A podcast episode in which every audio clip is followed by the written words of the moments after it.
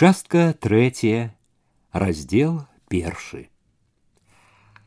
Выехалі под вечар. Ледзь толькі мінулі бярэзнічак за мястэчкам, насеў поцемак. Лес тут і ўдзень цёмны, сосны ды сосны, і цяпер ехалі як у чорнай канаве, ехалі паціху. Апейка сказаў, што спяшацца няма чаго часу аж залішне, цягнік будзе апоўначы. Недзе па версе хадзіў ветер, але на дарозе ўнізе было ціха. Толькі аднойчы, калі справа зашарэла поле, ветер шырока ўварваўся на дарогу, стаў мокра біць у твар. За полем дарога зноў увайшла ў чорную канаву лесу ў ціш і дрымотнасць. Мабыць, ад гэтай цішы чорнай маўклівасці навокал гаварылі мала. Жанчына спрабавала была завязать гаворку, сказала, что вот зима подступае, скоро маразами возьмется. Апейка для прыліку падтрымліваў яе, і яшчэ разы два падтрымліваў без ахвоты, і гаворка зноў аціхала, як бы глухла ў важкай лясной цішы. Так і ехалі амаль увесь час, дрэмлючы ці моўчкі думаючы кожны сваё. Толькі ігнат раз пораз, як бы з прасонку нокаў, памахваў пугаю, нокаў так ляніва, што коні амаль не зважалі. Лес выпусціў толькі каля самых калінкавіцкіх хат. Зразу за соснамі заблішчалі агеншчыкі, пачалася вуліца. У вуліцы і коні і людзі пачулі сябе весялей. Коні, здаецца, без ігнатавых лейцаў самі ўхапіліся ў подбег, так у подбег і дакацілі да доўгай і шырокай са святлом у вокнах будыніны вакзала. Амаль зразу як увайшлі ў залу, там ушчалася мітусня. Усе рынуліся к дзвярам, што вялі на перрон, зала напоўнілася нецярплівым гоманам, крыкам, занепакоілася і апейкава спадарожніца, таксама захадзілася хутчэй білет трэба б, не спазніцца б, але апейка супакоіў, што гэта не іх, гэта па часе гомельскі. Так яно і было, поезд быў на гомель. У апусцелай і пацішэлай зале ўзяў апейка з касы два білеты на мінск праз жлобен. Абгледзеў, праверыў іх і так і на святло. Ігнат, які сачыў за ўсім, рашыў нарэшце, што задачу сваю выканаў, і мае права лічыць сябе вольным. Ён зняў шапку і так з шапкай у адной руцэ і з пугай у другой сказаў, каб вярталіся жывыя, здаровыя, і валка спакойна падаўся да дзвярэй. Сядзелі ўдваіх на канапе, доўга гаманілі, з гаварлівасцю жвавай вясковай жанчыны, спадарожніца шчыра дзялілася мабыць усім што было на душы і неспакоем пра тое як там чалавек адзін з дзецьмі ўправіцца і надзеі на сястру якую яна прасіла каб прыходзіла наглядала і клопатам як там будуць яе каровы без яе яна была даяркаю ў калгасе пэўна забудуць зусім пакуль яна вернецца зноў не таіла і страху, як бы там чаго паганага не здарылася з лысаю, занядужала нешта якраз надоечы. Апейка і слухаў і сам пытаўся і думаў раскідана пра свае пакінутыя няскончаныя справы, але найбольш жыў адчуваннем утомы, прачуваннем перадышкі, чаканнем як бы свята. Адэскі, які по дарозе на Ленінград павінен быў падвесці іх да жлобіна, прыйшоў а трэцяй гадзіне ночы. У цёплым, поўным сонных людзей вагоне ім не адразу ўдалося ўціснуцца на лаўку, усюды ляжалі, сядзелі, храплі барадатыя дзядзькі, гарадскія хлопцы, цёткі ў хустках з клункамі, дзеці.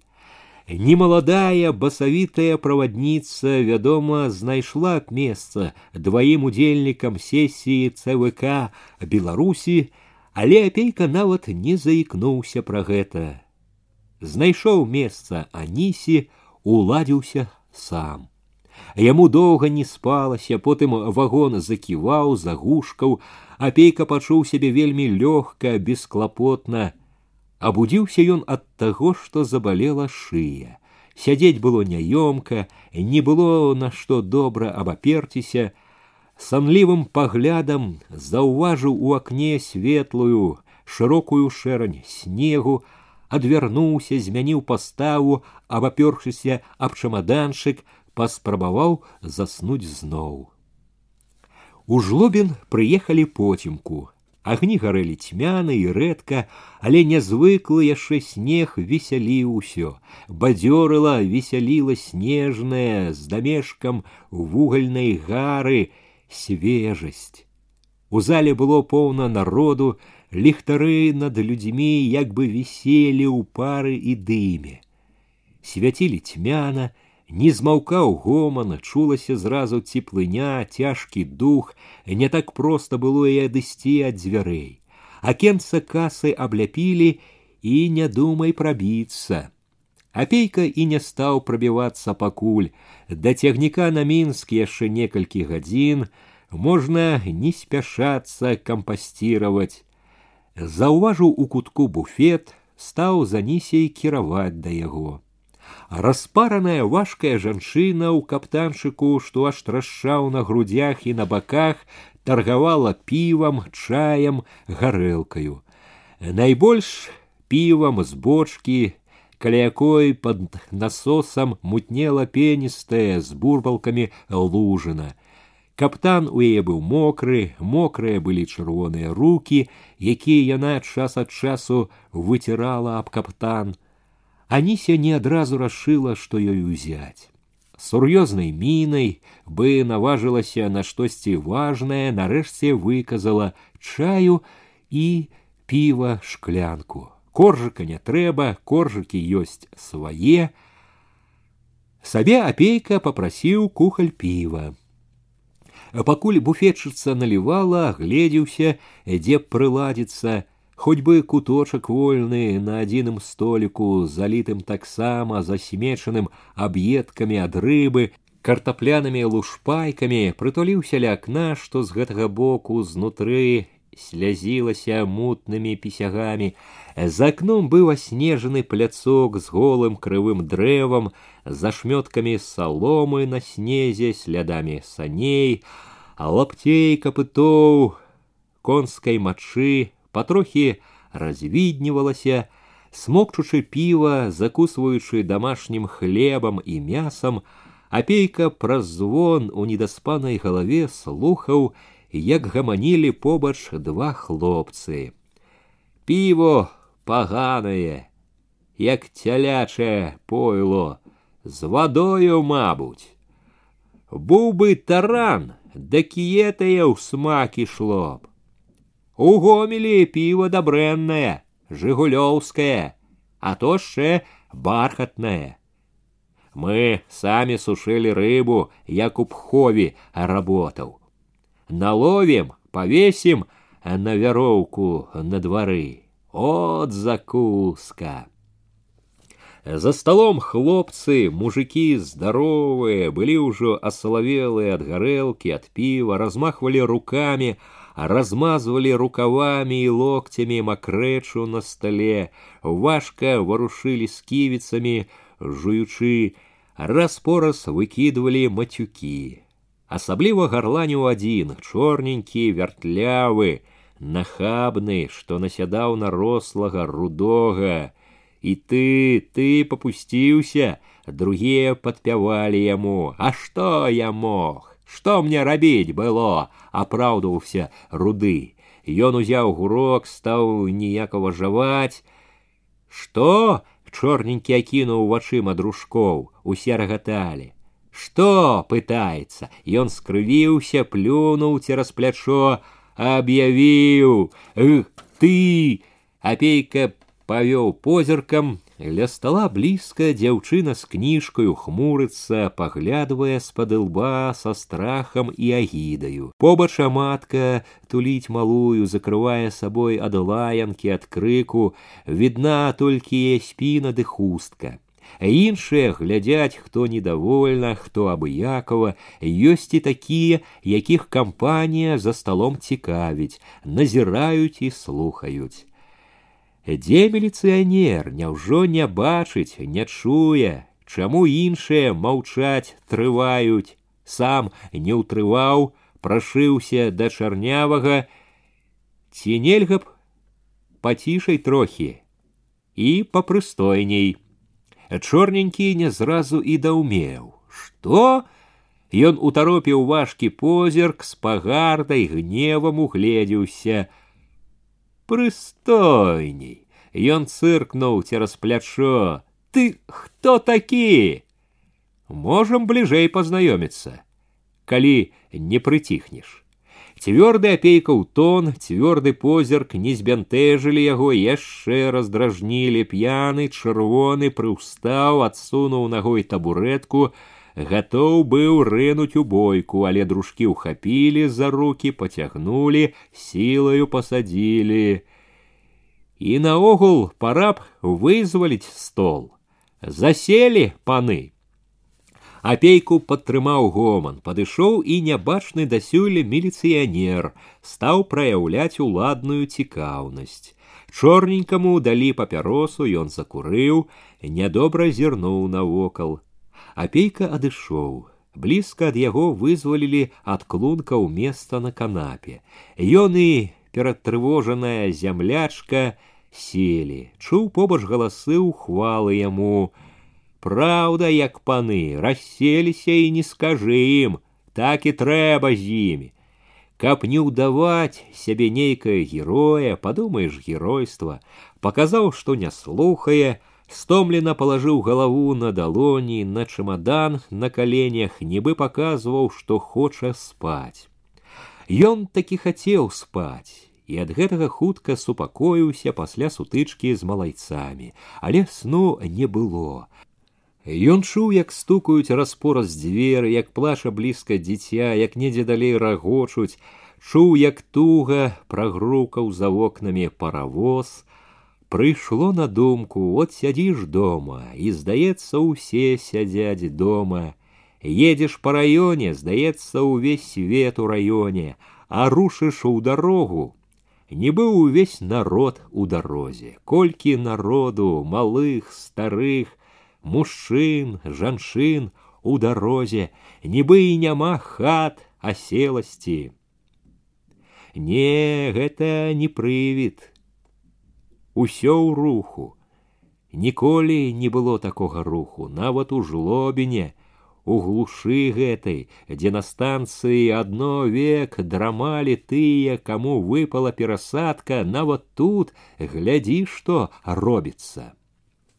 Чуў, цікаўная Анісія дапытвалася.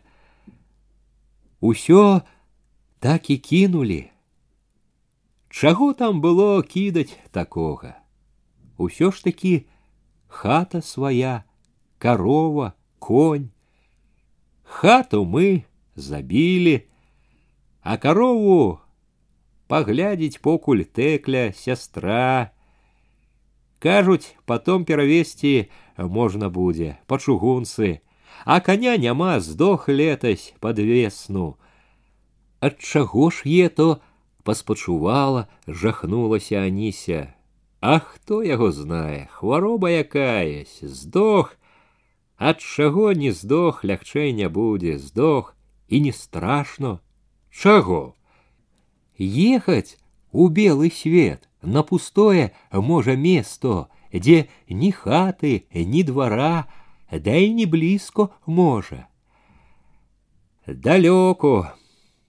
Ігнатко, Як яно завецца, от не запомню ніяк, падобна на кыш-кыш.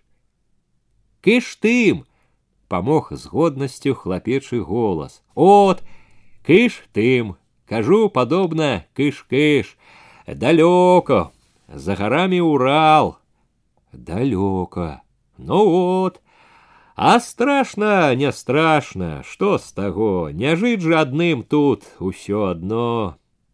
Ён там, мы тут, і так уже год цэлы лічы не бачыліся, дзеці саскучыліся, і ён піша, скучае. А страха там, хата е якая. Барак кажа е, пожывём, а там саб'ём сваю, Ён у мяне не ўломак які. Хадзяін і капіць, як который, дак не. І курыць лічы не курыць, хадзяін. Завод строіць, дакі хату сабе абстроіць мо. Шкода было, чаго? Ну, а родныя места, жыццё ўсё пражылі бацькаўшчына, бацько, матка жывыя можа. Матка жыве, а бацька памёр. Шкода толькі што з таго. Родныя, не родныя, толькі як там лепей будзе, так і тыя родныя будуць. Нашых сколько уже ў Сібер пераехала. І далей за сібершчэ кажуць. І жывуць, прывыклі, як усё адно і бацькаўшчына там. Увесь Савецкі Саюз родина, Е то правда, сказала Анися. Я ж і кажу, рыба шукае дзе глыбей, а чалавек дзе лепей. Апейка расплюшыў вочы, паглядзеў, жанчына чырвоная ад духаты, сіваватая, без хусткі, але ў кажусе. Адной рукой туліла да сябе малое, другая рука была на галоўцы дзяўчаняці, што сядзела на клунку перад яе каленямі, Дзяўчанё спала, палажыўшы русявую галоўку на матчыны калені. Яшчэ на клунку сядзеў хлопец ігнат, недаспанымі, але пільнымі вачыма глядзеў навокал, вартаваў бацькоўскае дабро. Вы хто такі сам будете? пачуў раптам апейка. Пыталіся яго дядька справа, з плоскім тварам барадаты у цялячай шапцы. А чаму гэта цікавіць вас? Ды от мо не наборшчык часам. І дядька заўважыў неразуменне на апейкавым твары. Ну, не набірайце людзей куды-небудзь. А, не, умяшаўся не адразу другі, таксама барадаты з вострымі вочкамі. А задкуль здалёку Ён сядзеў на фанернай скрынцы, паварушыўся, сеў ямчэй, растлумачыў: « У заработкі едем, да коты пытаемся. Дык вы ж, мабыць, выбралі ўжо дарогу.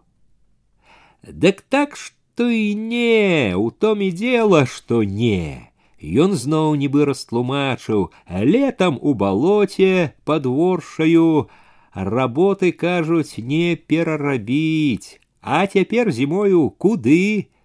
Той у цялячай шапцы памог яму. Надумаліся, поедем, попытаем, без спросу, седзячы ўсё адно не знайдзеш.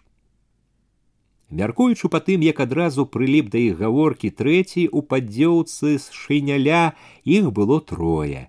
Апейка зірнуў дапытліва востра, а як жа гаспадаркі пакідалі цялячая шапка кіўнула няпэўна можна сказаць што і пакідалі ад цвёрдага задання ці ад калгаса узяў апейка на прасткі у мяне то было спакойна прызнаўся той што ў цялячай шапцы а ў іх не яны маламоцныя Андрэй кіўнуў ён на маўклівого. Той дак у калгасе уже быў, ды і цяпер у калгасе можна сказаць. І яму цвёрдае няправільно адазваўся маўклівы, што ў падзёўцы, за тое, што ў калгас адказаўся. Пагляджу, сказаў. Чаго ж вы з калгаса? апейка зірнуў на маўклівага, той схаваў вочы моўчкі нядобра махнуў рукою там калгас такі узяўся тлумачыць той, што быў на скрынцы, калгас. Коні дохнуць, сеять няма чым, палавіну пагніло, палавіну пагублялі, пакраў нехта, робяць, дрэмлюць у полі. Паспіць у разоры палачку пастаў, базар якісь. Апейка слова не ўправіўся сказаць у адказ, паткнуўся ледзь не ў сытыч, барадаты у цялячай шапцы, рашуча горача дыхнуў. Ярашчук пытае, пойдзеш ці не? Ён перадыхнуў. Другія, як хто, а я не. Не пайду, кажу. Ярашчук чаму? Няўвераны кажу. Тады ён ярашук, ты што ж, не верыш савецкай уласці? Дак я сам не дурнога бацькі дзіця. Савецкай уласці кажу веру, а ў калгасе няўвераны. Ён ярашук, як пачуў, пазелянеў ад злосці, што не ўзяло яго, што я ўпіраюся і як бы яшчэ смяюся з яго, хаця які там смех. За жывое ўзяло, крычаць хочацца і ўпартасць, як у таго натурыстага коня. Добра кажа, так кажа, што бачу добра не будзе.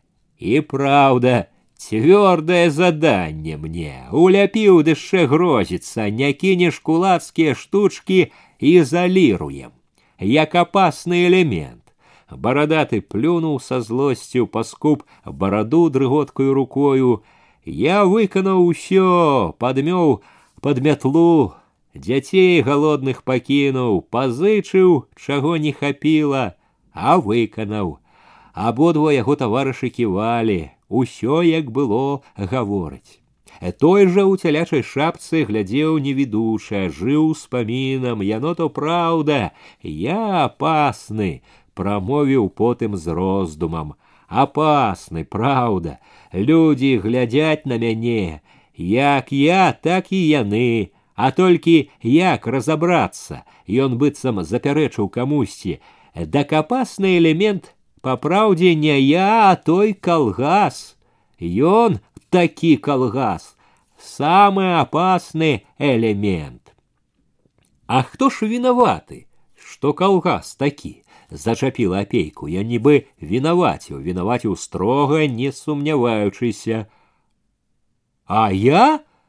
А хто ж? І вы, і ён кінуў апейка на Андрэя калгасніка. І ўсе. Як хто, а я ні пры чым адрэзаў цвёрда заданец. Я так думаю, бярэцеся навучыць людзей жыць по-новаму, дак вучыце, вучыце. Ужо ён вінаваціў апейку. Наладьце спачатку, а потом других завіце. А то укінулі людзей, не далі рады адным, а хутчэй гоняць других, як на пажар, трубяць на весь свет, першае сярод усіх, скоро добьемся на сто процентов герой на всю республику Портреты друкуюць у газетах хваляць бярыце прыклад апейка запытаў з якога яны раёна аказалася клімавіцкага слава пра які праўда грымела па ўсёй рэспубліцы і адкуль ён толк той будзе уступіў у гаворку той што сядзеў на скрынцы прыслалі таго ярашчука калгас рабіць а ён сам не араў не сеяў ніколі і араць не будзе пэўне ж не будзе а камандуе яму абы хутчэй абы укінуць ды далажыць што заданне выканаў арганізаваў усіх ды скорей дадому ў горад к жонцы цёплай сваёй. Эдак хіба ж ён думаць будзе добра, што выйдзе з усяго заўтра. Ён та не думае, А што ж вы думаеце? падчапіў строга апейка. Земляробы кінулі зямлю поле, няхай дядяре Няхай дядзя калгас падымае, народ корміць. Яны не чакалі такога павароту, апейка заўважыў, як адразу прыхавалі позіркі, аддзяліліся ад яго. Быў час кармілі, непрыхільна сказаў той у цялячай шапцы, і аралі і сеялі і кармілі. Ды не вельмі то кармілі, зноў пайшоў у наступ апейка, чуў, не ўгаворваць трэба, а наступаць цвёрда. Няма чым асабліва хваліцца і раней не густа, а цяпер, калі заводаў столькі будуецца, калі гарады растуць і саўсім на галодны паёк паставілі б. Барадаты зіркнуў з-пад цялячай шапкі, паглядзім, як вас калгасы накормяць. Апейка нібы чакаў гэтага, от именно глядзець будете, другие будуць араць, сеять, биться, паднімаючы гаспадарку ў сёлах, а вы глядзець. Ён сказаў таму, што ў цялячай шапцы. Самі ўцякаеце, ды яшчэ за сабой людзей цягнеце, нікога я не цягну. Я адшыў, можа, яшчэ пяцёх, каб я хацеў, дак паўсяламо пайшло б. Яго таварышы ківалі праўду, кажа, самі пайшлі і другія прасіліся. Не адны мы, як бы павінаваціўся той, што сядзеў на скрынцы. Думаеце тут і на вакзале мала такіх. Палавіну можа, а то і болей, усе глядзяць, дзе б дзецца. Не ўсе. На віду заўсёды тое, што паверх плыве будзе каму і араць і сеять, хлеб рабіць, карміць у тым ліку і вас. Апейка бачыў, не хацелі ўжо глядзець на яго, былі як чужыя. Барадаты ў цялячай шапцы не таіў злосці, яшчэ адзін указчык знайшоўся. Але апейка не шкадаваў, была ўпэўненасць, што правільна так строга павёў гаворку, і іх няма чаго хваліць, Хоць ён і разумее і праўду і боліх, якіх дурната нейкага яршчука выгнала з родных двароў, яршчукова дурната ды і свой страх. Няхай ведаюць, што ёсць і іншая, большая праўда. Але трэба і да іх справядлівым быць. Ёсць у іх свая праўда, ёсць і няма чаго хаваць гэта. Ды ідці так папрокі трэба ім цяпер. Парада цвярозая, разумная. От што ім трэба найбольш. Не пашанцавала вам, сказаў ён мягчэй, як бы зодумам. Яны ўлавілі ў тоне яго гаворкі спачування, зірнулі на яго недаверліва, дапытліва. Не пашанцавала з ярашчуком. Усе трое прамаўчалі, але апейка прыкмеціў, гэта спадабалася. Зноў як бы бліжэй сталі, толькі той у цялячай шапцы зіркаў недаверліва. Ярашчук, мабыць, ваша праўда, дурань. Апейка задумаўся, пачаў разважаць у голас. Э, толькі ж тут і так можна падумаць. Ярашчук то ярашчук. Ярашчук збоку прыклёпу Ды і то, канешне, праўда, нядоўгі госць, не сам уцячэ, дак выганяць, а раскусяць, што за птушка, мятлой пагоняць. Заўважыў у барадатага сумнення, запярэчыў цвёрда яму, пагоняць, раней ці пазней пагоняць. У том і дело, што мой і пагоняць, ды позно. Позна не будзе, апейка гаварыў цвёрда, як бы ўсё ведаў загадзя наперад. Ведаў, толькі так зможа пераканаць іх, калі ўвогуле зможа пераканаць. Але не ў тым соль. Ярашчук ярашчуком, а калгас калгасам. Як сказаў нешта неабы як важнае, зірнуў неабы як і з той жа цвёрдасцю, ведае цану таму, што кажа, не на ветер кідае. Калгас, што б там не накруціў ярашчук, сам сабою справа надзейная, от што галоўнае. Цёмная яшчэ для многіх, новая, але надзейная, разумная і сваё возьме, спакойна упэўнена папярэдзіў. Так што і тое глядзіце, як бы не пашкадавалі потым аб сабе. Завязалася спрэчка пра калгасы, звыклая для апейкі спрэчка, якую столькі разоў вёў ужо дома і якую давялося зноў весці тут на перасадцы. Апейка не мог бы сказаць з пэўнасцю, што пераканаў іх ва ўсім, але каб задумаліся нанова, гэта ён бачыў дабіўся. Як і раней стаяў на дарозе, палохаў усіх траіх ярашчук, тут же каб і хацеў вярнуцца дак з ярашчуком як жыць калі буду бачыць каго-небудзь з вашых кіраўнікоў скажу пра яго забяруць аднаго другога прышлюць не ўзрадаваўся барадаты не няхай скажа можа што і людскае будзе запярэчыў той што сядзеў на скрынцы скажы ці напішы скажу гаворка ўціхла трое маўчалі апейка адчуў маўчалі таму што ён ужо быў лішне ім хацелі аб нечым памеркаваць між сабою а можа гэта толькі здалося можа ім проста не хацелася ні гаварыць ні думаць сказаў што хоча спаць што не спаў ноч узлёг на спінку лаўкі стуліў галаву пачуў, як яны сталі адыходзіць. Хацеў заснуць, а сну не было. Падышоў хлопец, пакрыкваючы худы, чарнявы, насаты са скураной сумкай на жываце, пачаў прадаваць газеты, кніжкі. Апейка ўзяў газету, амаль абыякова папрасіў паказаць кніжкі, стаў перабіраць і неспадзеўкі натрапіў на знаёмы партрэт на вокладцы, алесь маёвы вясеннія ветразі. Апейка амаль не лічачы, даў грошы за кніжку, вярнуўся на лаўку. Тут уважліва, дапытліва угледзеўся ў партрэт, акуратна прычасаны у вышыванай святочнай сарочцы з вясёлым і задуменным позіркам.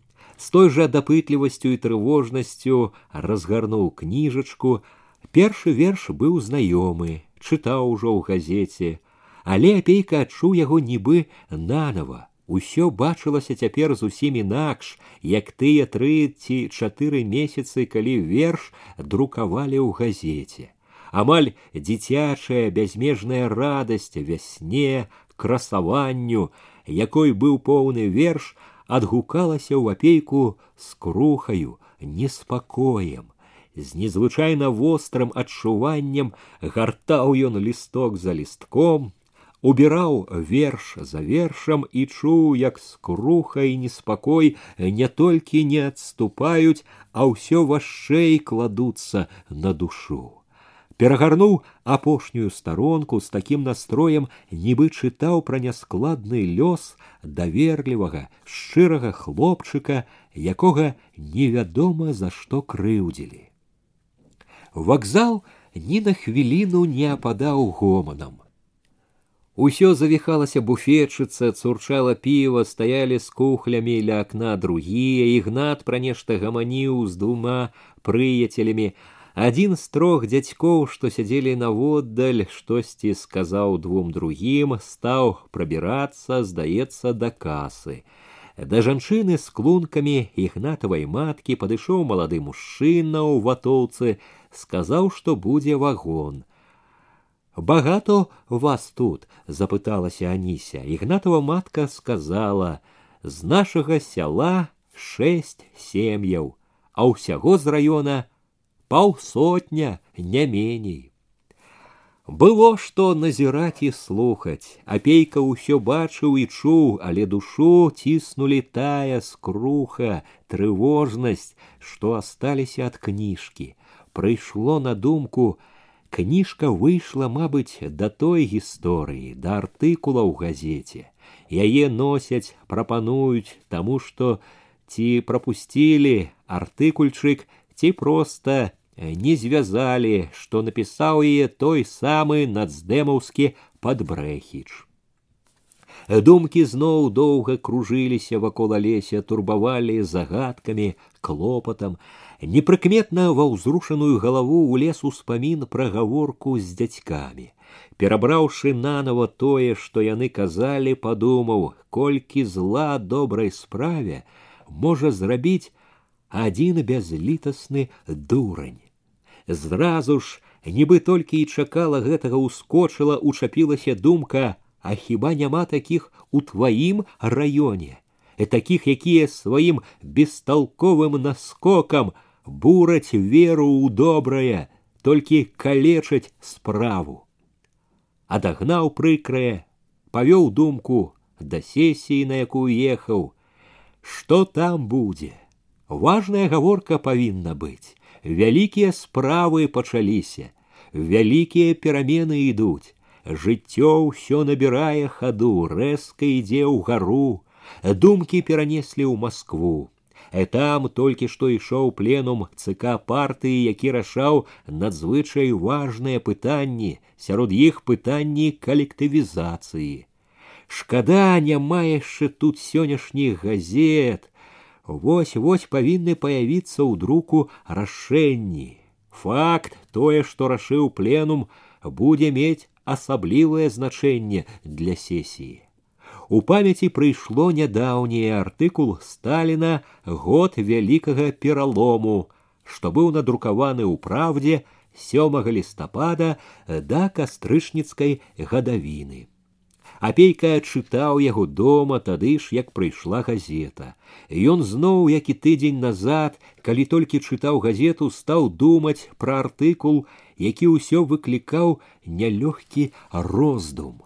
Сталин объявил, что колгасный рух добился небывалых поспехаў, што ў глыбіні сялянства адбыўся карэнны пералом. У калгасным руху, пісаў Сталин, з'явілася новае. Сяляне ідуць у калгасы ўжо не асобнымі групамі, а цэлымі валасцямі, нават акругамі. Калі ёсць нездавальненне ў сялян, то выходзіла з артыкула адно тым, што іх не ўпраўляюцца забяспечваць машынамі і трактарамі. І тады, калі чытаў і цяпер, калі ўспамінаў, апейка асабліва думаў пра тыя развагі Леніна, якія былі вытрымкамі ў артыкуле і якія павінны былі як бы падмацоўваць некаторыя вывады артыкула. Развагі Леніна вылучаліся глыбінёй, нават кароткімі вытрымкамі яны памагалі апейку развязваць тыя цяжкія вузлы, якія завязала жыццё. Яны думкі Леніна ва ўсім адпавядалі таму, што апейка бачыў у жыцці. Было відаць, як глыбока разумеў Ленін душу селяніна і цяжкасці, што стануць на шляху калгасаў. Ленін як бы папярэджваў ад паспешлівасці і лёгкасці.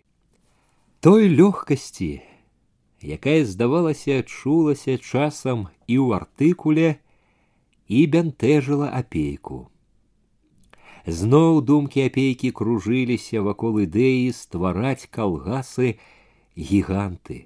Сталін едка высмейваў навуку, якая сумнявалася, што можна і варта ствараць зерновые гиганты ў 40-50 тысяч гектараў.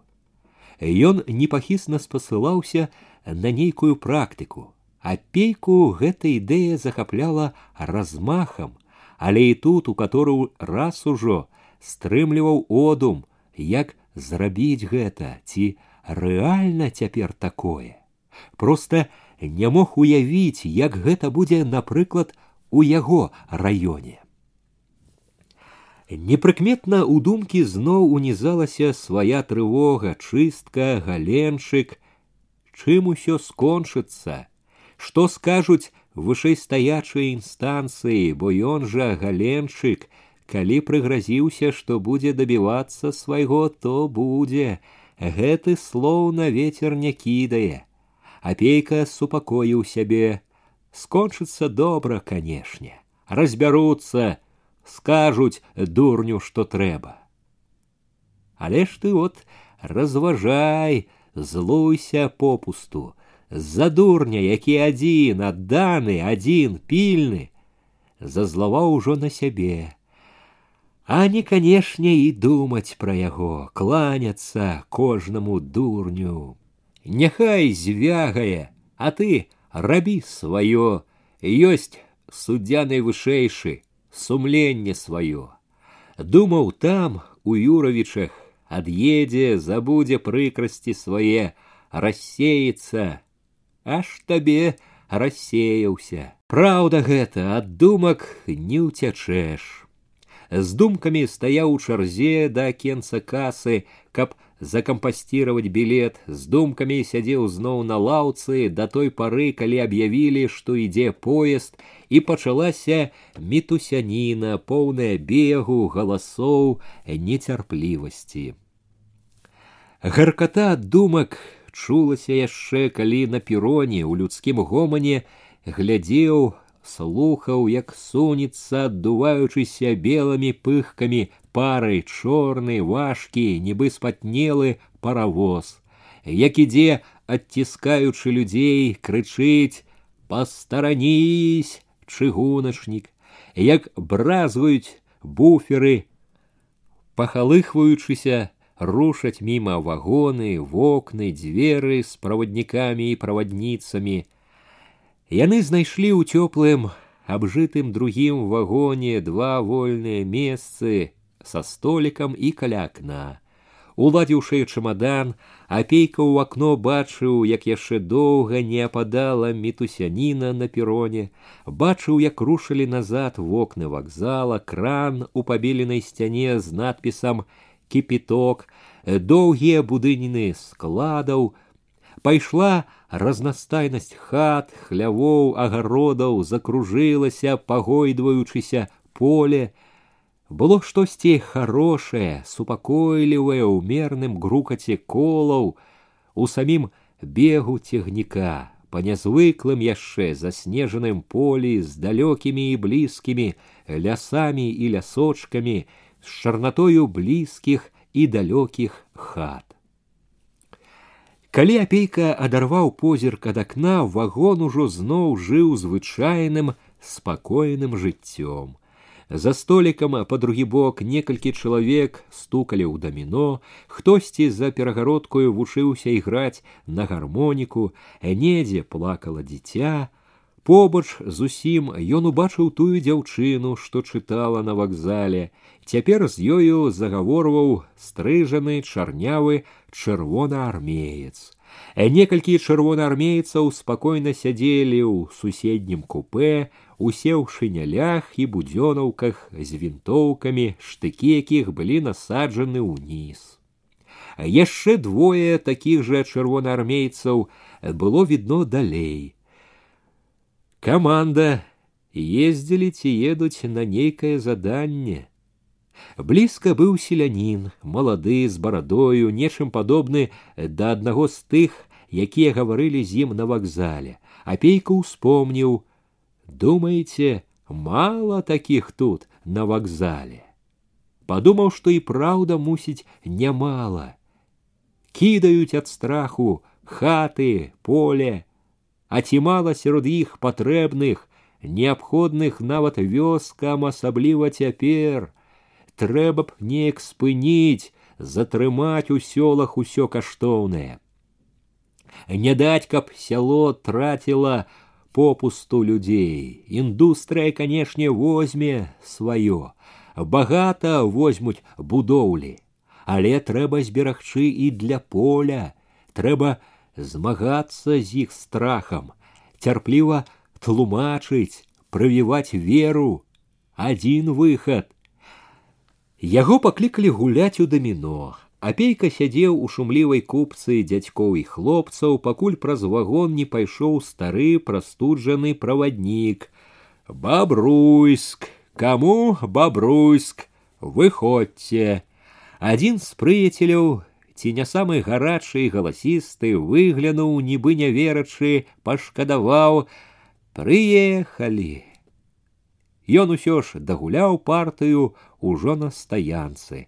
Давольны выйгрышам скінуў чорныя костачкі ў мяшочак і ўрэзаўся ў чараду людзей, што ішлі ў вагон.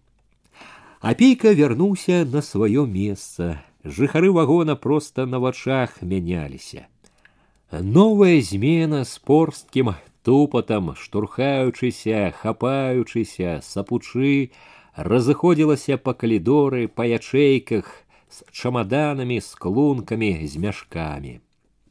Чырвонаармейскай каманды ўжо не было, сядзеў толькі распрануты чарнявы, мабыць, адпускнік. Смеючыся, зазірнуў кніжку, якую дзяўчына нібыта спрабавала чытаць, Апейка зноў глядзеў на мітусню на пероне, разглядваў новых пасажыраў, глядзеў, як цягнік прабіваецца праз блытаніну вуліц, вулічак, бляшаных дыгонтавых дахаў, вочы мімаволі лавілі праявы чужога жыцця.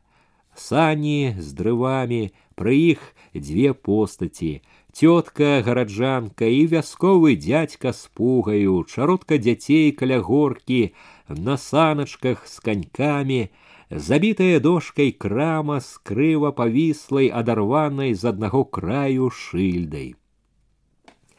Кружыліся за шибками поле, ляскі, беглі вёскі, вагон прухка пакалыхвала, спорны імклівы стук ад кола ўнізе ўсё больш аддаляў роднае мястэчка. Новыя краявіды, новыя шыр, Дороги, сняги подбягалі, знікалі, змяняліся. У гэтым імклівым лёце ўвесь час не адступалі, кружыліся думкі. Ахвотна думаў пра добрае, цікавае, сесію, пленум, сустрэчы са знаёмымі, адганяў трывожнае, назольнае, што прымушала ныць сэрца. Адганяў, а потым лавіў сябе на тым, што зноў думае пра тое, што вярэдзіць душу про Олеся, про Галеншика, про Башлыкова, про брата, про будучыню сваю, у якой появілася нядобрая невядомасць, про тое, як жыць і быць. Брат, саўчык, звязаны з класава чуждымі элементамі. Чаму такое вялікае значэнне мае, хто твой брат? чаму яно становіцца часам не меншым, а нават нібы большым, як тое, хто ты сам. Людзі ж не выбіраюць братоў сабе. Гэта ён тады ўдала сказаў башлыкову. Не выбіраюць братоў, дзядзькоў, цётак, пляменнікаў. Чаму загадзя навек запісана, што адносіны з імі могуць быць толькі прыязныя, што яны абавязкова неяк уплываюць на цябе. Яны на цябе, а не ты на іх.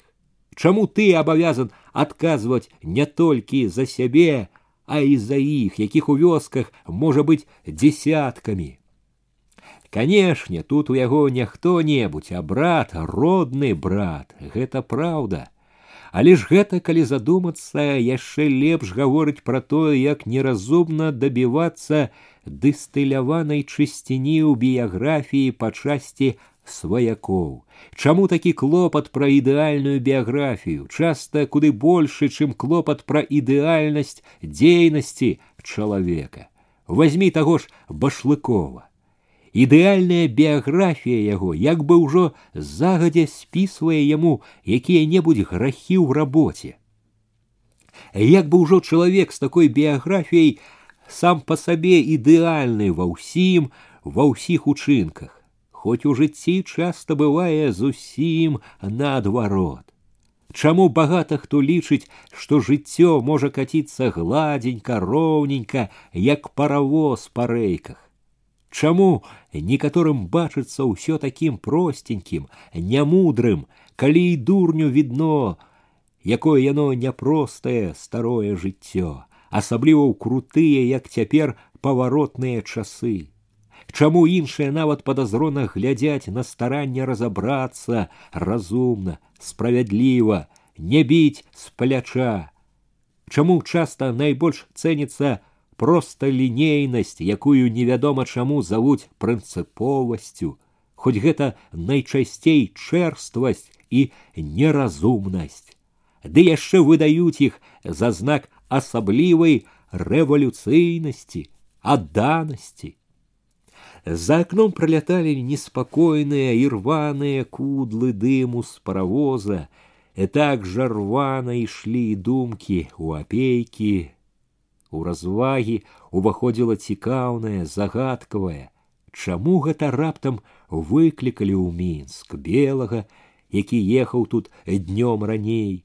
Потым зноў ішлі развагі пра башлыкова, што можа просталінейнасць яго ад маладосці, ад няведання жыцця, што пажыве пераменіцца не інакш. Жыццё таксама навучыць. З радасцю думаў пра белага, от ён чалавек ленінскай вывучкі. Усё больш адчуваў набліжэнне мінска і ўжо як пра блізкае абавязковае думаў пра тое, што зробіць тут за гэтыя дні самым першым нязменна было сустрэцца за лесем. У мінск прыехалі ўвечары. Горад спаткаў россыпам агнёў на путях, у вулічных ліктарах, у вокнах, каля дзвярэй з вакзала ў горад сухарлявы чалавек у капелюшы пытаў, ці ёсць удзельнікі сесіі ЦВК. Праз некалькі хвілін апейка Аніся яшчэ двое незнаёмых дзядзькоў кацілі ўжо святочна ўзрушаныя аўтамабілем па святочна прыгожых вуліцах сталіцы. Зіхцелі, беглі агні, зіхцеў, вясёлкава іскрыўся ў святле агнёў снег, мільгалі постаці, вокны, пад'езды, урачыстая чырвань транспарантаў, пачэпленых цераз вуліцу, калі прыпыніліся прагрукатала вялізная са светлымі вокнамі дзіва трамвай сказаў з захапленнем апейка чулая радасць поўніла сэрца апейка пазнаваў ехалі па галоўных вуліцах 11 ліпеня савецкай ленінскай выйшлі на пляцы волі каля гасцініцы еўропа Анісе была не толькі ўсхваляваная, а і трохі разгубленая. Хаваючы разгубленасць, увесь час паглядывала на апейку, як бы чакаючы яго парады. Шафёр узяўся памагчы паднесці ёй чамаданчык, Яна ўсё вінавацілася, што ты сама магла б паднесці, проста не ведала, куды дзець руки. У гасцініцы Іх спаткалі яшчэ больш ветліва, запісалі ў момант, далі пакоі. Далікатны рухавы хлопец попрасіў адно не затрымлівацца, спусціцца сюды ж, каб ісці ў рэстаран абедаць. Апейка злавіў анісін позірк і сказаў, што зойдзе па яе, што прыйдуць сюды разам. Ветлівасць, чысціня, цішыня апейку заспакойвалі яшчэ ўзмацнялі настрой святочнасці радаснай лёгкасці пакой быў добры такі ж чысты прывабны як і ўсё тут паўз сцены тры ложкі нікеляваныя з шарыкамі пасярэдзіне квадратны засланы белым накрухмаленым абрусам стол усе ложкі былі вольныя апейка ўзяў сабе бліжні. На стале акуратна ляжала некалькі газет, паклапаціліся і пра гэта. Ён узяў адну правду, вочы адразу выхапілі пленум ЦК ВКПБ. Аб выніках і далейшых задачах калгаснага будаўніцтва. Рэзалюцыя, Апейка нецярпліва прабег вачыма, пашкадаваў, што трэба ісці, а рашыў, што прачытае адразу, як вернецца.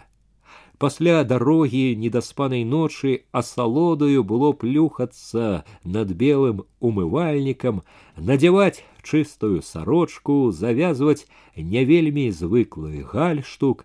Калі глядзеў у люстра раптам зноў без прычыны, без думак упаўзла трывога, неяк асабліва чутнае, недарэчнае сярод святочнай бесклапотнасці.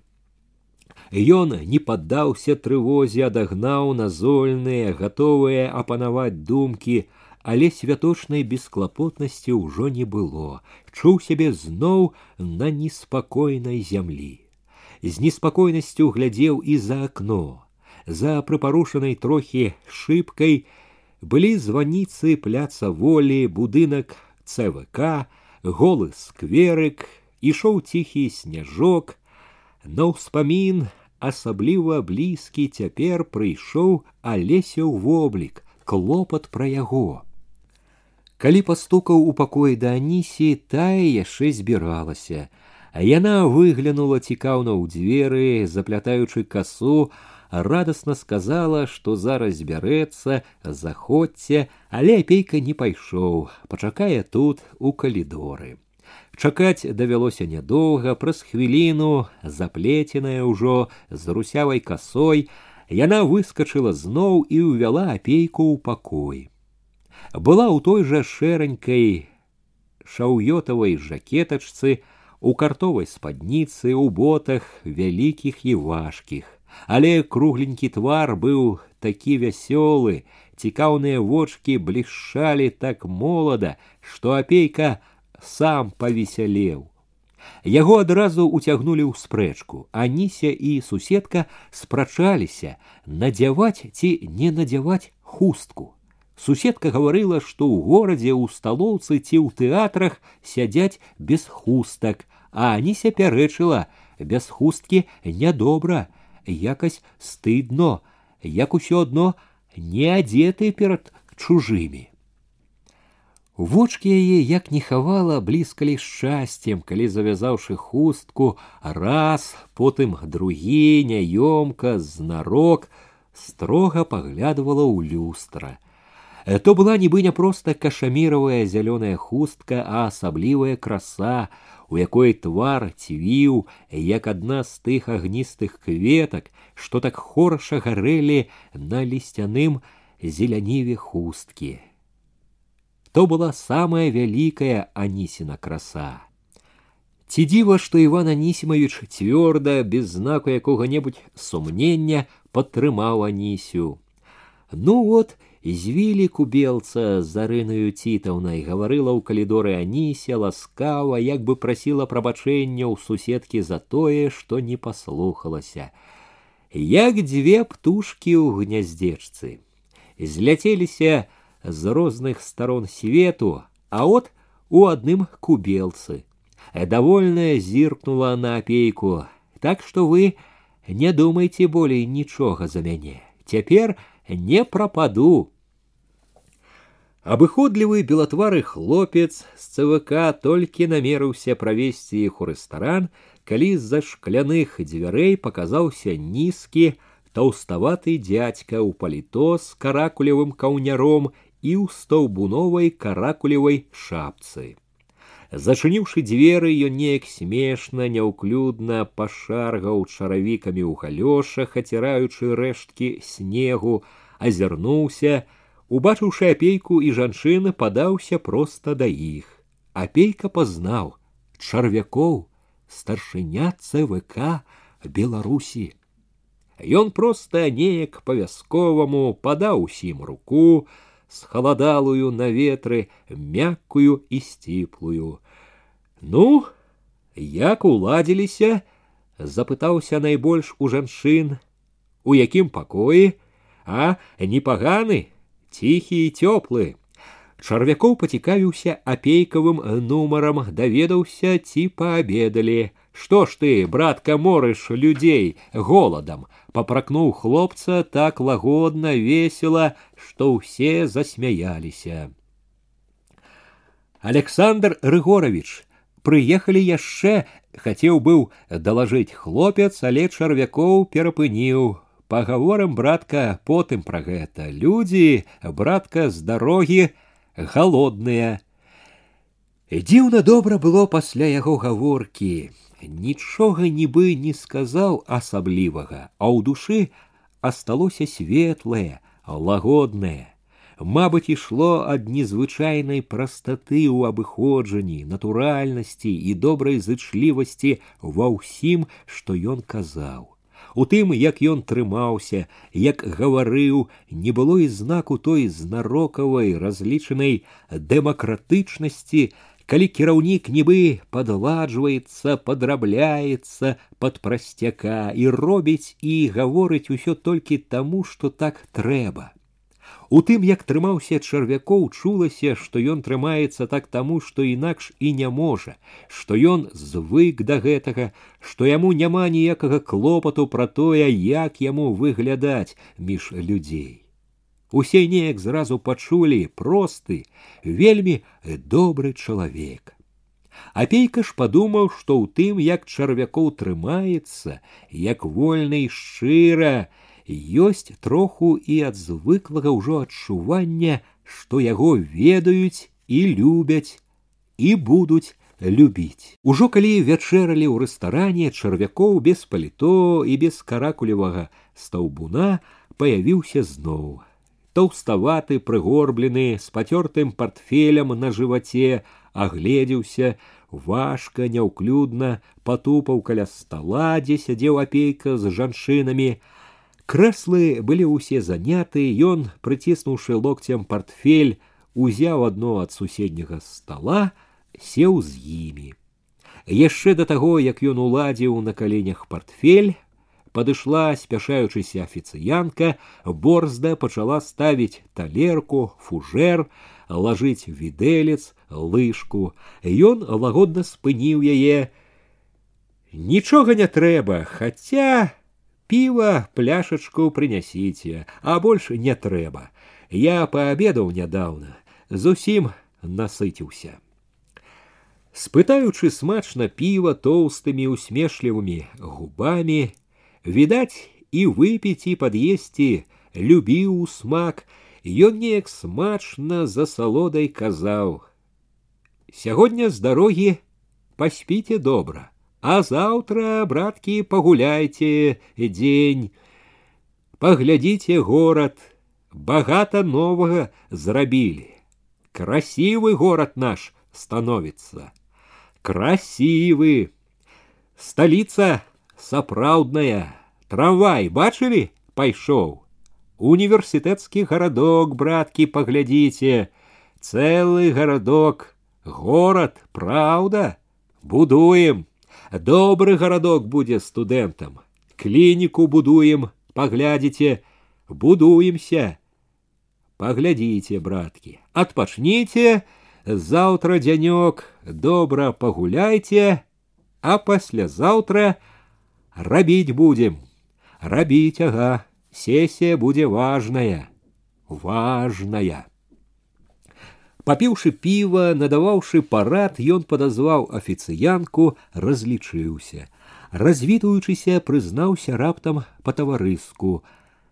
Сам я таксама толькі што ў мінску паявіўся. Учора толькі з Масквы з пленума. Вялікія справы рашылі там вялікія. Яшчэ з паўгадзіны сядзеў за столікам наводдаль. Апейка ў гэты вечар не пайшоў нікуды. Карцела у пакоі чакала газета. Калі ён вярнуўся ў пакоі, як і раней нічога не было. Ён уладзіўся за сталом, разгарнуў шырокі ліст, адразу прынік да роўных важных радкоў. Рэзалюцыя перш нагадвала пра рашэнне 15 з'езда партыі аб калектывізацыі дробных гаспадарак, падводзіла вынікі таму, што ўжо зроблена.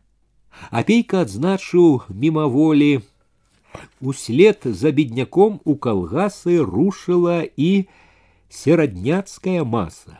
Пераход да суцэльнай калектывізацыі раёнаў і акруг. Уступ быў сціслы і стрыманы. Адразу за гэтым, як бы адказваючы на тое, што непакоіла яго рэзалюцыя загаварыла аб тым, што бурны рост калгасаў выклікае разам багата складанага і цяжкага. Тут апейкава ўвага брала ўсё асабліва востра. у строгіх словах адразу адчуў тую жывую бяду, якая назаляла, пякла ўвесь час. Як знаёмая, асабістае вярэдзіла душу тое, што чытаў далей, нізкі ўзровень тэхнічнай базы, дрэнная арганізацыя і нізкая прадукцыйнасць працы, востры недахоп калгасных кадраў, амаль поўная адсутнасць неабходных спецыялістаў. Апейку была даспадобы праўдзівасць, з якой рэзалюцыя гаварыла пра цяжкасці. За гэтай адкрытасцю ён бачыў, што там на пленуме добра разумелі складанасць становішча і былі настроены дзелавіта сур'ёзна. Нібы пацвярджаючы яго спадзявання, рэзалюцыя тут жа дакладна фактамі пункт за пунктам стала паведамляць, што будзе рабіць партыя для таго, каб адолець цяжкасці, хутка пайсці далей. Гэтая частка можа найбольш захвалявала апейку. Чым далей больш і вельмі канкрэтна бачылася, як багата будзе зроблена, якое вялікае небывалае наступленне развінаецца. Апейку радавала і па-баявому настройвала добрая прадуманасць далейшага. Зухвалай адзначыў, пачынаецца будаўніцтва двух вялікіх трактарных заводаў, заводаў камбайнаў і іншых машын, запомніў як важную вестку, што ў вёскі на дапамогу павінна прыйсці моцнае папаўненне 25 тысяч перадавых рабочых. Пільна ўбіраў у сябе нібы слухаў аднадумцаў, калі чытаў пра набалелае, што трэба зрабіць, каб падняць дысцыпліну ў калгасах, вылучыў асабістую адказнасць кожнага за зробленае і матэрыяльную зацікаўленасць. Не вытрымаў падкрэсліў, пленум ЦК перасцерагае супраць недацэнкі цяжкасцей калгаснага будаўніцтва і асабліва супраць фармальна бюракратычнага падыходу да яго і яго вынікаў. Калі дачытаў, сядзеў нейкі час задуменны, не адпускала прачытанае. Акрамя адчування агромністасці таго, што так жыва ўбачылася, турбавала важнасць моманту, падумаў, не памыліўся, чакаючы, што будзе важнае рашэнне, як распарадак на наступленне. Чуццё не шукала яго. Рашэннем гэтага лістападаўскага пленума суджана была асаблівая, надзвычайная роля ў тых нялёгкіх крутых і шырокіх падзеях што пачыналіся праз думанне пра пленум прашылася будзённая ці прачытаў ужо гэтае башлыкоў і калі прачытаў то што выведзе з усяго і тады адчуў стому успомніў недаспаную ноч устаў згарнуў газету паклаў у чамадан трэба захаваць яшчэ поўны думак стаяў каля акна пазіраў на снежаны пляц волі як бы пераконваючыся ў тым што ён праўда ў мінску распрануўся лёг пачуў што ўсяго яшчэ калыша з нядаўняй дарогі па звычцы стаў думаць пра заўтрашні дзень што заўтра трэба зрабіць сярод клопатнай разнастайнасці думак вылучылася зноў стала першай у чаргу тая, што ішла ад неспакою пра алеся.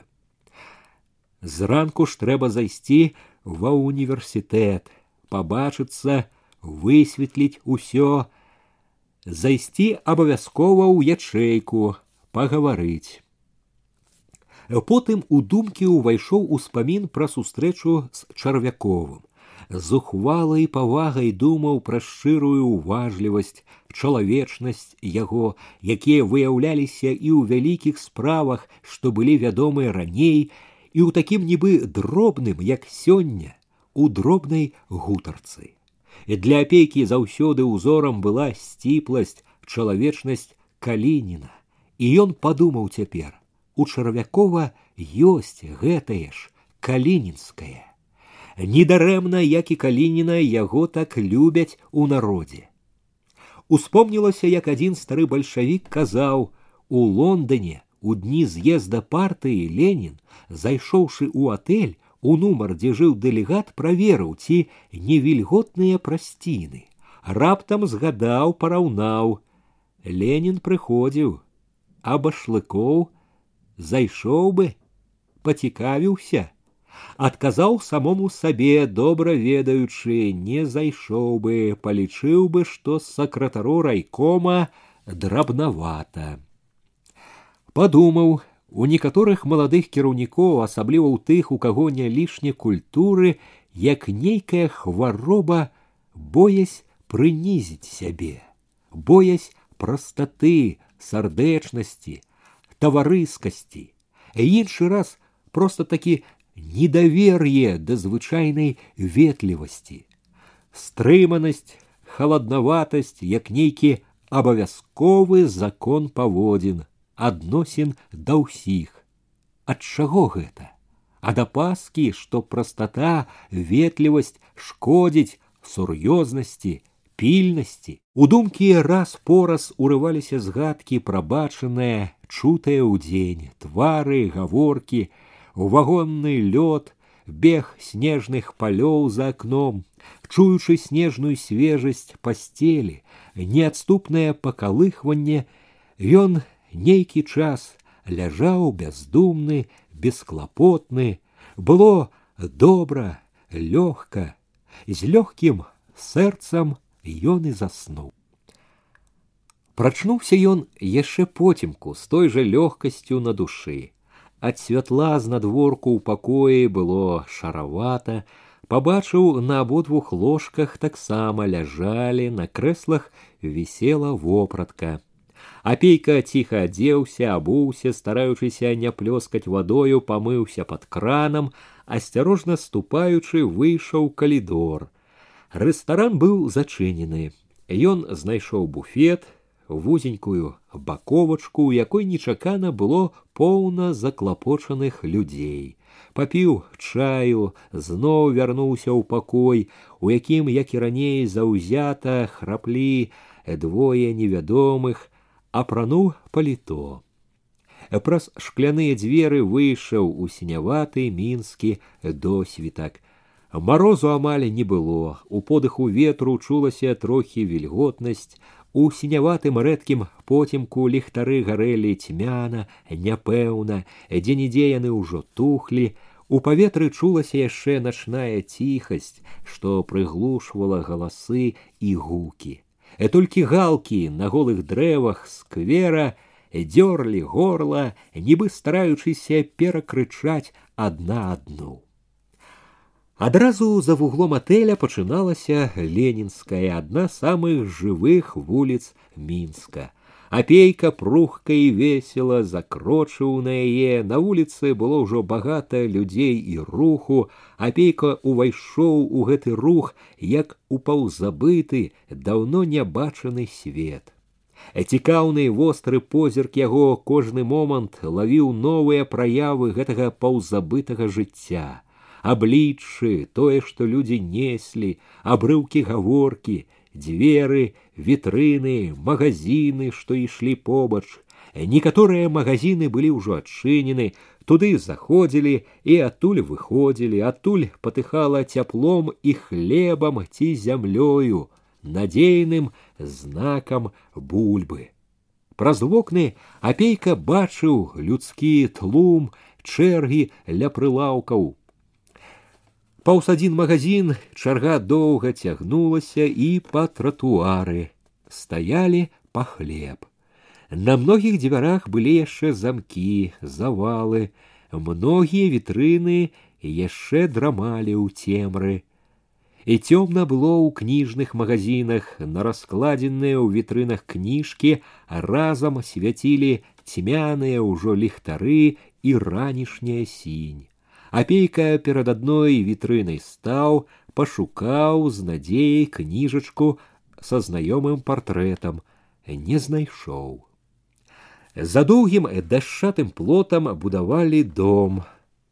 Людзі рабілі ўжо зночы яшчэ там і тут над сценамі блішчалі лямпачкі пачэпленыя на жэрдкі і на драты між жэрдак магло быць што людзі рабілі тут і ўсю ноч будавалі і ўдзень і ўночы дом быў падняты ўжо за трэці паверх было відаць што будыніна расце вялізная са смелым размахам вартая сталіцы і часу нават проймы вокна ўражвалі нязвыклай шырынёй, як яшчэ адзін знак нязнанай раней смеласці.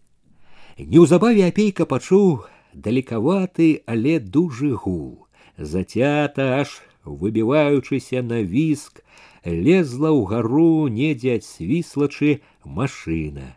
Ён мімаволі стаў, углядваючыся ў той бок, чакаючы востра ловячы кожны гук, кожную праяву, Ён ведаў ішло дзіва, якое славілі газеты і паэты, і якое ён толькі мелькам убачыў учора з аўтамабіля, мінскі трамвай.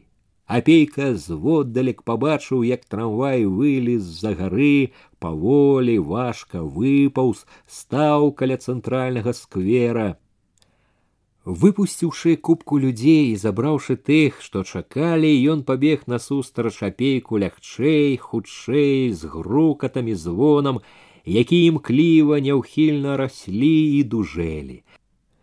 Ён прамчаў паўз апейку з такім громам, і такім зяннем вокон, за якімі людзі выглядалі дзіўна святочна, што апейкава сэрца напоўнілася гонарам за сваю сталіцу, за краіну.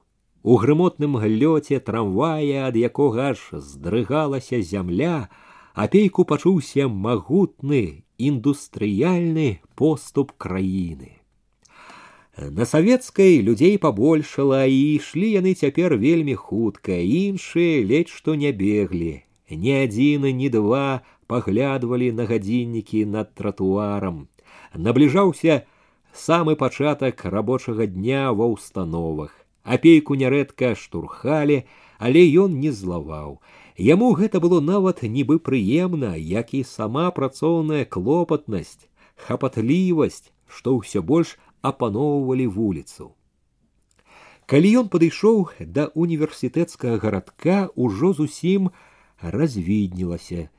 Гарадок будаваўся там, куды падышоў апейка, ён быў агароджаны дашчатым плотам.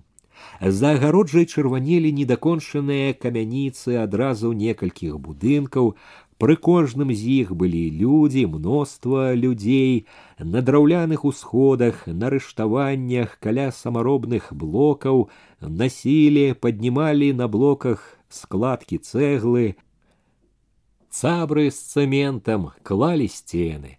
Будынкі, як і то, які апейка бачыў раней, будаваліся з размахам. Кожны даўжынёю ледзь не на цэлы квартал. Увесь жа універсітэцкі гарадок быў сапраўдным горадам у горадзе. Агароджа будаўнічай пляцоўкі абкружала немала немнога некалькі кварталаў. Занятая будаваннем вялікай індустрыі краіна не шкадавала ні рабочых, ні матэрыялаў, каб зрабіць моладзі ўсё, што трэба для вучобы, для светы. Апейка не адразу знайшоў той адзіны цагляны будынак на два паверхі, дзе каля самай чыгункі ціснуўся пакуль універсітэт. Сцены будынка з надворку былі калісьці пабеленыя, цяпер дождж размыў пабелку, ветер наляпіў вугальнага гару ды пылу, будынак выглядаў так нікчэмна, што апейка і не падумаў бы, што тут можа быць універсітэт. Да таго ж і дабрацца да яго было няпроста. Усё навокал абгарадзілі, можна было падысці толькі па вузкім калідоры між платоў з боку чыгункі. На шчасце, дапытваючыся універсітэта апейка натрапіў на студэнтку, ветлівую, бялявую дзяўчыну ў кажушку і ў хустцы, вельмі падобную на сваіх юравіцкіх равесніц. Дзяўчына ў кажушку і давяла апейку да універсітэта. ветлівая, сарамяжая, з пачырванелым на холадзе вострым носікам сказала, дзе можа быць сакратар камсамольскай ячэйкі, хапатліва пабегла падшытымі валёнкамі на другі паверх. Апейка агледзеўся, тут, дзе хадзілі маладыя хлопцы і дзяўчаты з кнігамі, дзе з усіх сцен глядзелі то расклады заняткаў, то сцен газета за бальшавіцкія веды, то аб'явы пра сходы, пра вечары. Апейку неяк асабліва ўзяло шкадаванне, што не давялося самому пабыць студэнтам.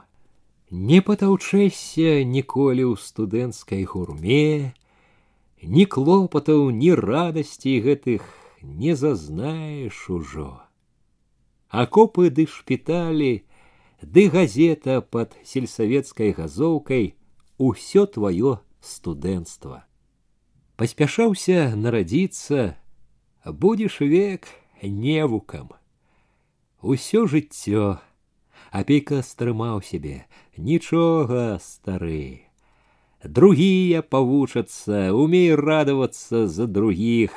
Змена, якая ідзе, бачыш, прыгожая, культурная у пакоі які яму показала дзяўчына было два студэнты один чорненькі плячысты у зацяганай але адмысловай вельветавай куртачцы другі русявы з неяк па-дзіцячы мілым віхарком у сацінавай сіняй сарочцы і піжачку русявы з віхарком адказаўшы на прывітанне ветліва попрасіў апейку пачакаць хвілінку, от толькі дакончыць гаворку з таварышам.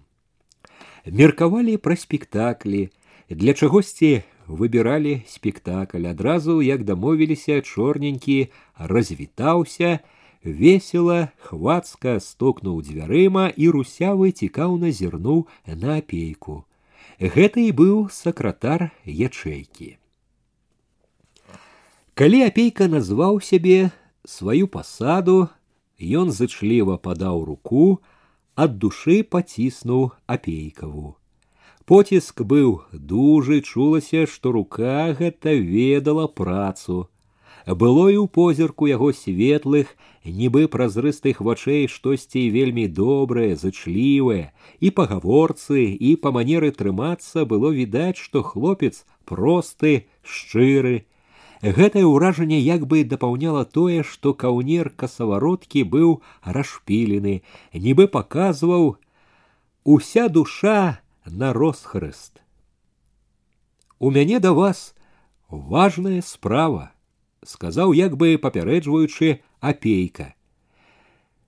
Без важнай справы вы, пэўна, не зайшлі б сюды, усміхнуўся зычліва хлопец. Ён як бы паказаў, што гатовы памагчы ўсім, чым можа. Я хачу даведацца, што на самой справе было з апейка на момант запыніўся, як лепш назваць залесем маёвым. Вы, канешне, ведаеце яго і яго ўчынак. Ведаю, апейка заўважыў, як у празрыстых вачах появілася штосьці стрыманае, насцярожанае. Хлопец як бы адасобіўся, запытаў: « Вы хто яму? Я вучыў яго. Хлопец не зразумеў, як вучылі. Вучыў у школе. Настаўнікам быў у яго. А, уважлівыя вочы глядзелі, чакалі яшчэ нечага, Першыя вершы чытаў і потым сачыў, як можна было больш па газетах, апейка тлумачыў спакойна, мякка, як старэйшы таварыш. Хлопец дзіўна маўчаў, быў ужо хмурны, вельмі сур'ёзны, як бы не хацеў пачынаць ці не ведаў, з чаго пачаць. Дык што ж было на самой справе? Што ж, расскажу сказаў хлопец раптам дзелавіта цвёрда толькі коротко тут одна справа якраз чакае расскажу галоўнае Гэта непрыемная гісторыя, непрыемная для ўсёй ячэйкі, для ўсяго універсітэта. Тут і наша віна камсамольскай ячэйкі не адмаўляюся. Прамаргалі, выпусцілі з-пад увагі. Комсомольца товарища отдали, можно сказать, сами у руки других. Сами не вялі выхаваўшай работы. Вось тыя і выхавалі, выхавалі по свайму узору і падабенству. Для нас гэта вялікі урок і на сённяшні дзень і на заўтрашні. Апейка і ідучы сюды і пачынаючы гаворку яшчэ спадзяваўся на добрае, на тое, што ўсё акажацца калі і не зусім шчаслівым, то ва ўсякім разе не такім паганым, як ён трывожыўся. І вось кожнае слово студэнта пераконвала, што здарылася самае горшае. Хлопец быў наш, як бы білі апейку словы шкадавання, быў наш, чаму быў наш, азвалася ў апейку нязгодаю, але ён стрымаў сябе. Мы верылі яму, спадзяваліся на яго як на камсамольца, таварыша, а от прамаргалі, і былы таварыш адкалоўся. Адкалоўся, а потым пакаціўся ўніз дакаціўся да таго, што стаў прыслужнікам нацдэмаў, паслугачом нацдэмаўскага ахвосця, паслугачом ворага. Вы перакананы ў гэтым, стрымліваючыся, сказаў апейка. Сакратар камсамольскай ячэйкі зірнуў на яго, нібы не разумеючы, Я не веру гэтаму як мог спакойна, але прама цвёрда растлумачыў апейка. Не веру, што ён стаў прыслужнікам ворагаў.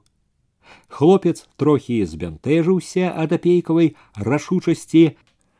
На чыстым ілбе разлілася ружовасць. Мы таксама спачатку не верылі, не хацелі даваць веры. Але ён сам не скрываў больш таго нават выстаўляў, паказваў усім. Спрабавалі адгаварыць, пераканаць, ён знароку парціўся. У голасе хлопца пачулася злосць. Героя сябе, падумаеш, герой, строіць пачаў. Яму всякія зарэцкія і гартныя дарагія таварышы, выдатныя дзеячы, сыны народа. Яны яго нахвальвалі, спявалі ты паэт, талент, і от ён рашыў аддзячыць, знайшоў таварышаў. І ўсё ж ён наш, што б там ні было наш, разумееш, Ён не можа быць не нашым. Усё, што ў ім ёсць добрае, ўсё гэта наша ад савецкай улады. Я ведаю яго, калі ён толькі пачынаў разбірацца ў жыцці. Усе гэтыя гады сачыў. Гэта вельмі шчыры, адданы нашай справе хлопец. Ну, можа, памыліўся, дык дакажыце, пераканайце. Нашто ж так адкідаць зразу? Зразу, зразу. Мы і цяпер вымушаны прыбіраць за ім. Столькі ён тут натварыў, хлопец не таіў непрыхільнасці. Не ўсё так проста было, як здаецца збоку. Студэнты народ непасрэдны, разважаць не вельмі ахвочыя. Даверлівы народ, схільны захапляцца, асабліва на яго факультэце, літфакаўцы. Ім падабалася гэта паказное геройства. На сходзе было і крыку і віску, заступнікаў у яго знайшлося даволі. Усё, што было бруднае, анархічнае, полезла наверх. Факультэцкі сход, цэлы сход павярнулі па-свойму. Сход аказаўся не на вышыні, ліберальныя настроі перамаглі прынцыповасць. Прыйшлося ўмешвацца нанова збіраць, расхлёбываць кісель, які заварыў герой ваш. Ужо не заўважалася, што сарочка ў хлопца паюначы расхрыстаная, і дзіўна было, што вочы ў хлопца здаліся празрыстыя, наіўныя. Апейка зірнуў гэтыя вочы і раптам зразумеў, што спрачацца з хлопцам ці пераконваць яго марная трата. Ды сакратар і не таіў, што гаварыць пра гэта больш не хоча. Мусіць зараз ісці. Дзе знайсці яго? запытаў апейка. Яго выключылі, і ён жыве недзе ў горадзе. Зайдзіце на літфак, там мусіць хто-небудзь знае, хаця яны ў другую змену, так што ідзіце ў інтэрнат на нямізе.